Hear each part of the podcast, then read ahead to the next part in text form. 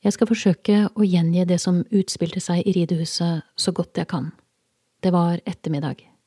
Solen lå lavt utenfor vinduene, og den løse hesten som skrittet rolig rundt på banen foran oss, var en velproporsjonert, godt skolert dressurhest.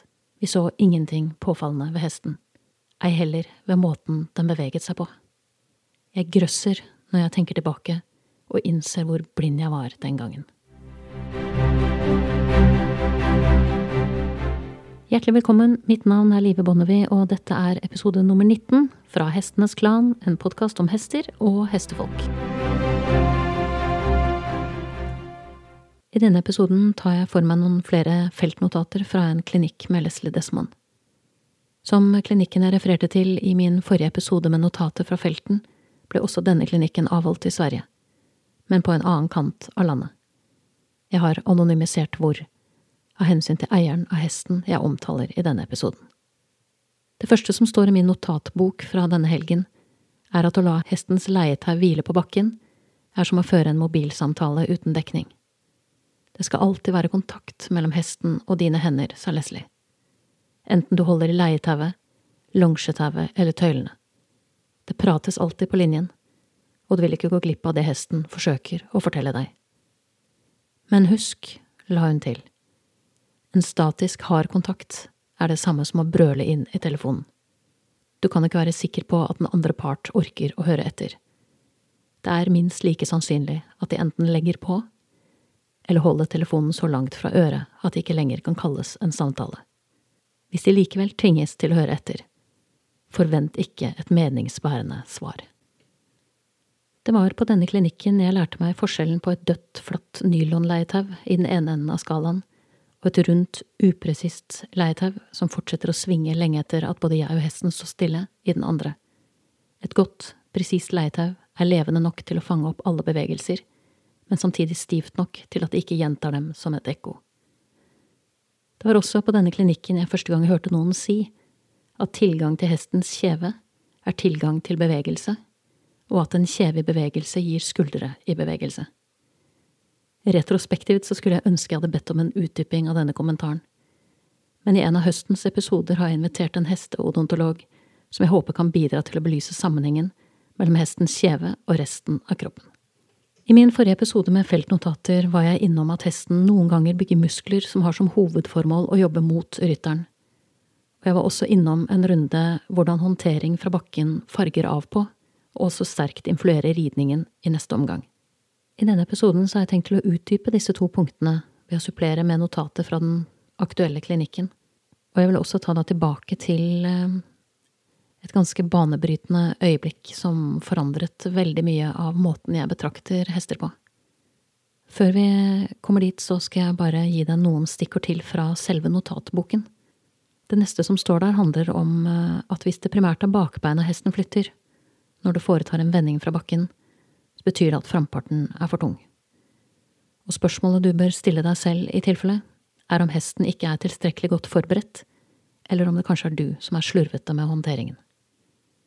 Dette gjelder ikke bare når hesten longeres med én line og du bytter hånd, det gjelder også dagligdags håndtering, enkle, hverdagslige ting, som når du tar hesten ut og inn av boksen, er ute og henter hesten og leier den ut gjennom en port, eller leier hesten ut og inn av en ridebane. Det må gjøres med flyt. Hvis hesten må stoppe opp og flytte bakparten mens du lukker porten, boksdøren eller strømtråden bak den, så har vendingen vært for brå. Det du i realiteten gjør da, er å dumpe hesten på framparten, som er det helt motsatte av den lette framparten vi ønsker oss når vi sitter i salen. Jo, jo, vil kanskje noen innvende, men du kan jo ikke tenke sånn hele tiden. Jo, det både kan og må du. For det er denne håndteringen ridningen din vil bygge på. Det er denne håndteringen som uunngåelig vil bli støpt inn i grunnmuren som utgjør selve fundamentet i samarbeidet mellom deg og hesten din.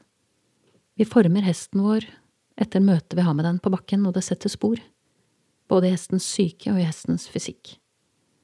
Ofte kan man se at en hest har en lengre høyre side enn venstre, fordi den stadig bøyer seg til venstre for oss, ettersom det aller meste av vår håndtering fra bakken normalt skjer fra venstre side. Men la meg legge notatboka til side nå. For en av mine virkelig store aha-opplevelser fra denne aktuelle klinikken kom litt ut på ettermiddagen på dag én. Det var jo flere ekvipasjer som deltok denne helgen, Men den jeg husker best, var en stor, velutdannet dressurhest. En svensk halvblods. Hun var rød med markante hvite avtegn på bein og hode. La meg kalle henne Luna, og la meg gjøre et tappert forsøk på å ta deg tilbake, så du selv kan få oppleve det jeg opplevde. Luna hadde nettopp en synlig skjevhet, med en høyre side som var lenger enn den venstre. Noe som igjen gjerne vil føre til at den høyre diagonalen er ok, mens den venstre er svak. Det enkleste bildet for å beskrive en slik skjevhet er kanskje å sammenligne hestens diagonaler og balanse med et bord på fire bein. Dersom ikke hvert av disse beina er nennsomt plassert i forhold til sin diagonale partner, og like i lengde, så står ikke bordet støtt. Så enkelt er det.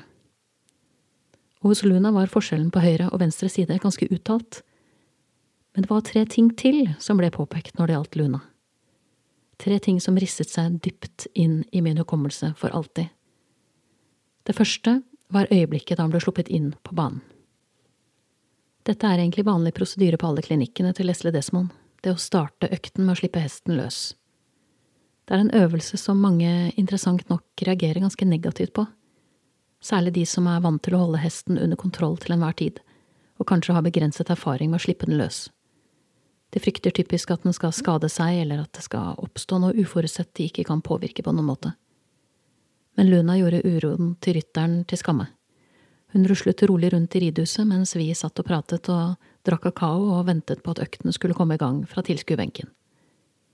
Den typen småsnakk har jeg helt sluttet med når jeg reiser rundt og ser ulike trenere i arbeid. I det øyeblikket hesten er på plass i arenaen, med eller uten rytter, er økten i gang og den viktigste informasjonen om hesten finner du nettopp i dens første møte med arenaen og situasjonen, og hvis rytteren er med, så får du også et første innblikk i samspillet mellom de to. Det er i dette øyeblikket du best avleser hestens historie, dens syke og dens fysikk. Men det her ante jeg ennå ingenting om der jeg satt med kakaokoppen på tilskuerbenken med de øvrige tilskuerne. Vi pratet og lo og fulgte med på Luna av og til mest fordi øynene våre som default automatisk trekker mot alt som er av hest, alltid. Og det jeg så i øyekroken, var en velproporsjonert og tydelig velskolert dressurhest. Jeg merket meg også rytteren som slapp henne løs. Hun var det vi i gamle dager, svært tidlig i min karriere, refererte til som en dressurtante. En smålåten, ikke spesielt høy rytter, med brede hofter. Fordi kvinners bekken vokser hele livet, får dressurtanter som ofte er godt voksne damer som alltid er i dressur, brede hofter. De får også ofte en litt stram og bestemt mine med årene. En mine som kan være på grensen til å være bisk. Og i ettertid så har jeg noen ganger tenkt at det vi avskrev som biskhet, kanskje egentlig var et skjold som dressurtantene kunne gjemme seg bak, når de ikke satt trygt på ryggen på sin veldig høye hest. Jeg skal forsøke å gjengi det som utspilte seg så godt jeg kan. Vi satt som sagt og slarvet på tilskuerbenken, og Luna gikk eh, rundt løs. Hun var en mild, godt voksen hoppe som fremsto som en stabil hest, som ville kunne ta like godt vare på en nybegynner som en godt rutinert rytter. Kort sagt en hest som var til å stole på. Hun var velproporsjonert, sterk, og steg hennes var romslig og ledig med godt overtamp. Vi så ingenting påfallende ved henne, ei heller ved måten hun beveget seg rundt på. Den første tankevekkeren kom da Leslie sa det rett ut som det var. Dette er ikke en sunn og balansert hest, sa hun. Hun sa det med en blanding av alvor og dypt vemod. Jeg kunne formelig kjenne at ørene mine vokste seg større, for hun snakket på en måte som gjorde at jeg kjente hele kroppen at det som blir sagt nå, det er viktig. Veldig viktig, og jeg kan ikke gå glipp av et eneste ord av det. Hun startet med å be oss se nøye på Luna og vi gjorde som vi fikk beskjed om. Men hesten så helt upåfallende ut. Det var bare en stor dressurhest som skrittet rolig rundt i et ridehus, noen ganger på en volte, andre ganger på en volte tilbake, rolig skritt, rundt og rundt. Men det var ikke så rolig som det så ut. Legg merke til at hun ikke er nysgjerrig på dere, husker jeg at Leslie sa. Vi var jo en stor gjeng som satt der og fulgte med, men for Luna var vi usynlige. Og mer alvorlig, hun var ikke nysgjerrig på noe annet heller. Ikke lukt, luktspor etter andre hester som hadde vært der før henne. Ikke småfuglene som fløy ut og inn gjennom den åpne porten. Ikke vantets utforming, lukt og tekstur. Hun har aldri vært her inne før, sa Leslie. Men hun agerer som om omgivelsene ikke fins. Det er ikke normalt. Vi skjønte det ikke da, men det vi var vitne til, var første tegn på at en hest har krysset over grensen til lært hjelpeløshet, og ikke lenger stole på eller ha kontakt med seg selv. Lært hjelpeløshet oppstår når hesten erfarer at dens språk og reaksjoner i liten eller ingen grad har betydning for utfallet under trening og håndtering, og at alle forsøk på å endre eller påvirke sin situasjon mislykkes og gjerne besvares med press, smerte eller ubehag. Det gjør hesten passiv og mentalt avslått. Jeg skal vise dere noe, sa Leslie, og hun la til at hun gjorde det motvillig, men ut fra en overbevisning om at hun mente at det var viktig og helt nødvendig at vi fikk se hva hun snakket om, med egne øyne. Det som så utspilte seg, var det andre momentet fra denne klinikken som har risset seg inn i min minnetavle for alltid. Leslie gikk Luna i møte med et longeringstau, og Luna stoppet opp og lot seg lett hente inn som den godt trenede, høflige hesten hun var. Og for et utrennet blikk så dette fortsatt på mange måter ut som en rolig, veltilpasset hest. Det samme gjorde det under longeringen. Luna var smidig og gjorde alt hun fikk beskjed om. Trav, galopp, skritt, holdt. Hun holdt sirkelen sin og løp rundt Leslie som om de hadde kjent hverandre alltid. Mens Luna fortsatte å trave rundt Leslie, beveget Leslie seg så sakte og nesten umerkelig mot det vante i ridehuset. Men Luna merket det med en gang. Fordi dette uunngåelig tvang henne litt nærmere det mennesket som hun hadde i den andre enden av tauet. Det første som skjedde, var et nesten umerkelig skifte. Så ble det fort mer uttalt. Luna var ikke like rolig lenger. Ei heller like lydhør.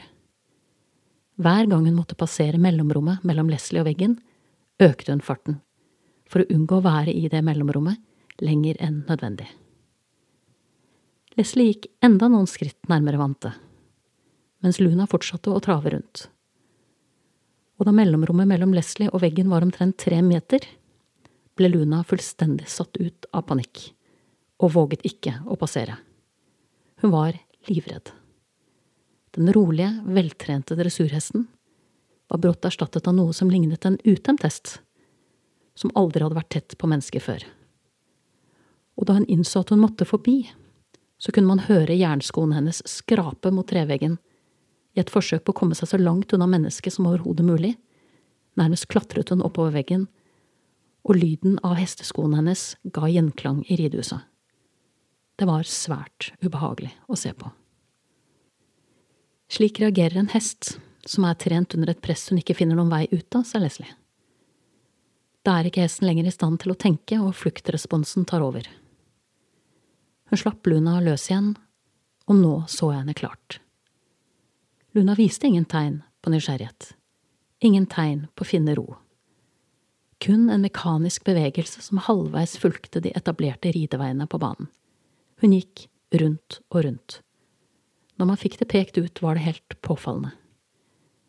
Det som for noen minutter siden hadde fremstått som en balansert, veltrent, vanlig dressurhest, var nå avkledd og redusert til en usikker, skadet sjel med en tung koffert fylt med gammel bagasje.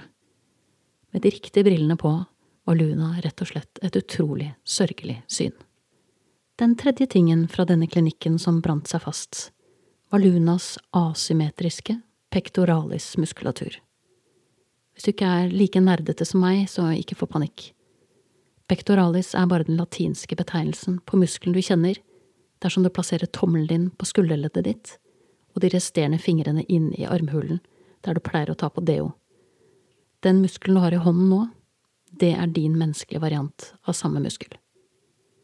Hos hesten er pectoralis en tredelt muskel, som strekker seg fra sternum, altså brystbenet, inn mellom frambeinet og bakover langs undersiden av buken Jeg tipper at den strekker seg tilbake til tilsvarende ribbein 16 eller 17 eller der omkring. Den delen av pectoralis-muskulaturen som var asymmetrisk hos Luna, var den midtre delen. Pectoralis transversum, altså den delen som går på tvers mellom frambeina. Dette er en muskel du lett kan se og kjenne på mellom hestens frambein, slik du kan se og kjenne din egen. På Luna var den venstre delen av denne muskelen nesten dobbelt så stor som den høyre. Så når du så henne rett forfra, var det en uttalt muskel på innsiden av venstre forbein, mens den på høyre var betydelig mindre. Det som er litt skremmende å tenke på i dag, det er at jeg aldri ville lagt merke til det den gangen, hvis ikke noen hadde pekt det ut for meg. Men det som var virkelig skremmende, det var forklaringen på hvorfor denne skjevheten hadde oppstått. Luna var en uhyre følsom, sky og engstelig hest. Og selv om det var svært godt skjult under alle lagene av straff og oppdragelse, ville hun egentlig bare bort fra menneskene hun hadde rundt seg. Og fordi de alltid oppholdt seg på venstre side, slik de hadde lært på rideskolen, måtte hun utvikle muskler som holdt henne tilbake når hun egentlig ville flykte unna. Den venstre delen av pectoralis transversum hadde vokst seg stor for å være i stand til å holde henne igjen mens menneskene rundt henne ukritisk pøste på, med menneskelig nærvær, menneskelig travelhet og menneskelig uvørenhet. Så krevende kan altså være for en hest å tåle at vi er rundt den, at den må utvikle egne muskler for å klare å stå i det. På samme måte kan du også observere andre muskler hester har utviklet, i halsen og i nakken. Muskler som over tid, med uvøren ridning eller upresis håndtering, har måttet spesialisere seg på å beskytte hestens følsomme natur mot vår ufølsomhet og våre ufølsomme hender, enten de holder i leietauet eller i tøylene. Det er noe å tenke på. Jeg så dette i praksis eh, for noen år siden jeg var på en annen klinikk med en natural horsemanship-trener som lekte denne såkalte jojo-leken, som jeg innvender veldig sterkt at det ikke er noen lek, jf. tidligere episoder. Der var det en jente som deltok med en eh, svart hest som hadde vært med flere ganger før. Så hesten hadde på en måte forstått at dette her er spillet. Hun kommer til å riste på det leietauet, eh, og hun kommer til å gjøre det i x antall minutter, og det gjelder bare å stålsette seg til det er over. For jenta hadde for dårlig timing til å klare å gi hesten en form for, eh, jeg mangla bedre norsk ord, en form for release som kunne guide den i forhold til hva er riktig og galt å gjøre i denne situasjonen. Det eneste han hadde skjønt, det er at når hun rister på det tauet, da må man bare stålsette seg til det er over. Og hun hadde jo holdt på da i flere måneder med disse litt dårlig forklarte teknikkene fra denne natural horsemanship-treneren. Og hesten hennes hadde tydelige, forsterkede halsmuskler på begge sider av nakken.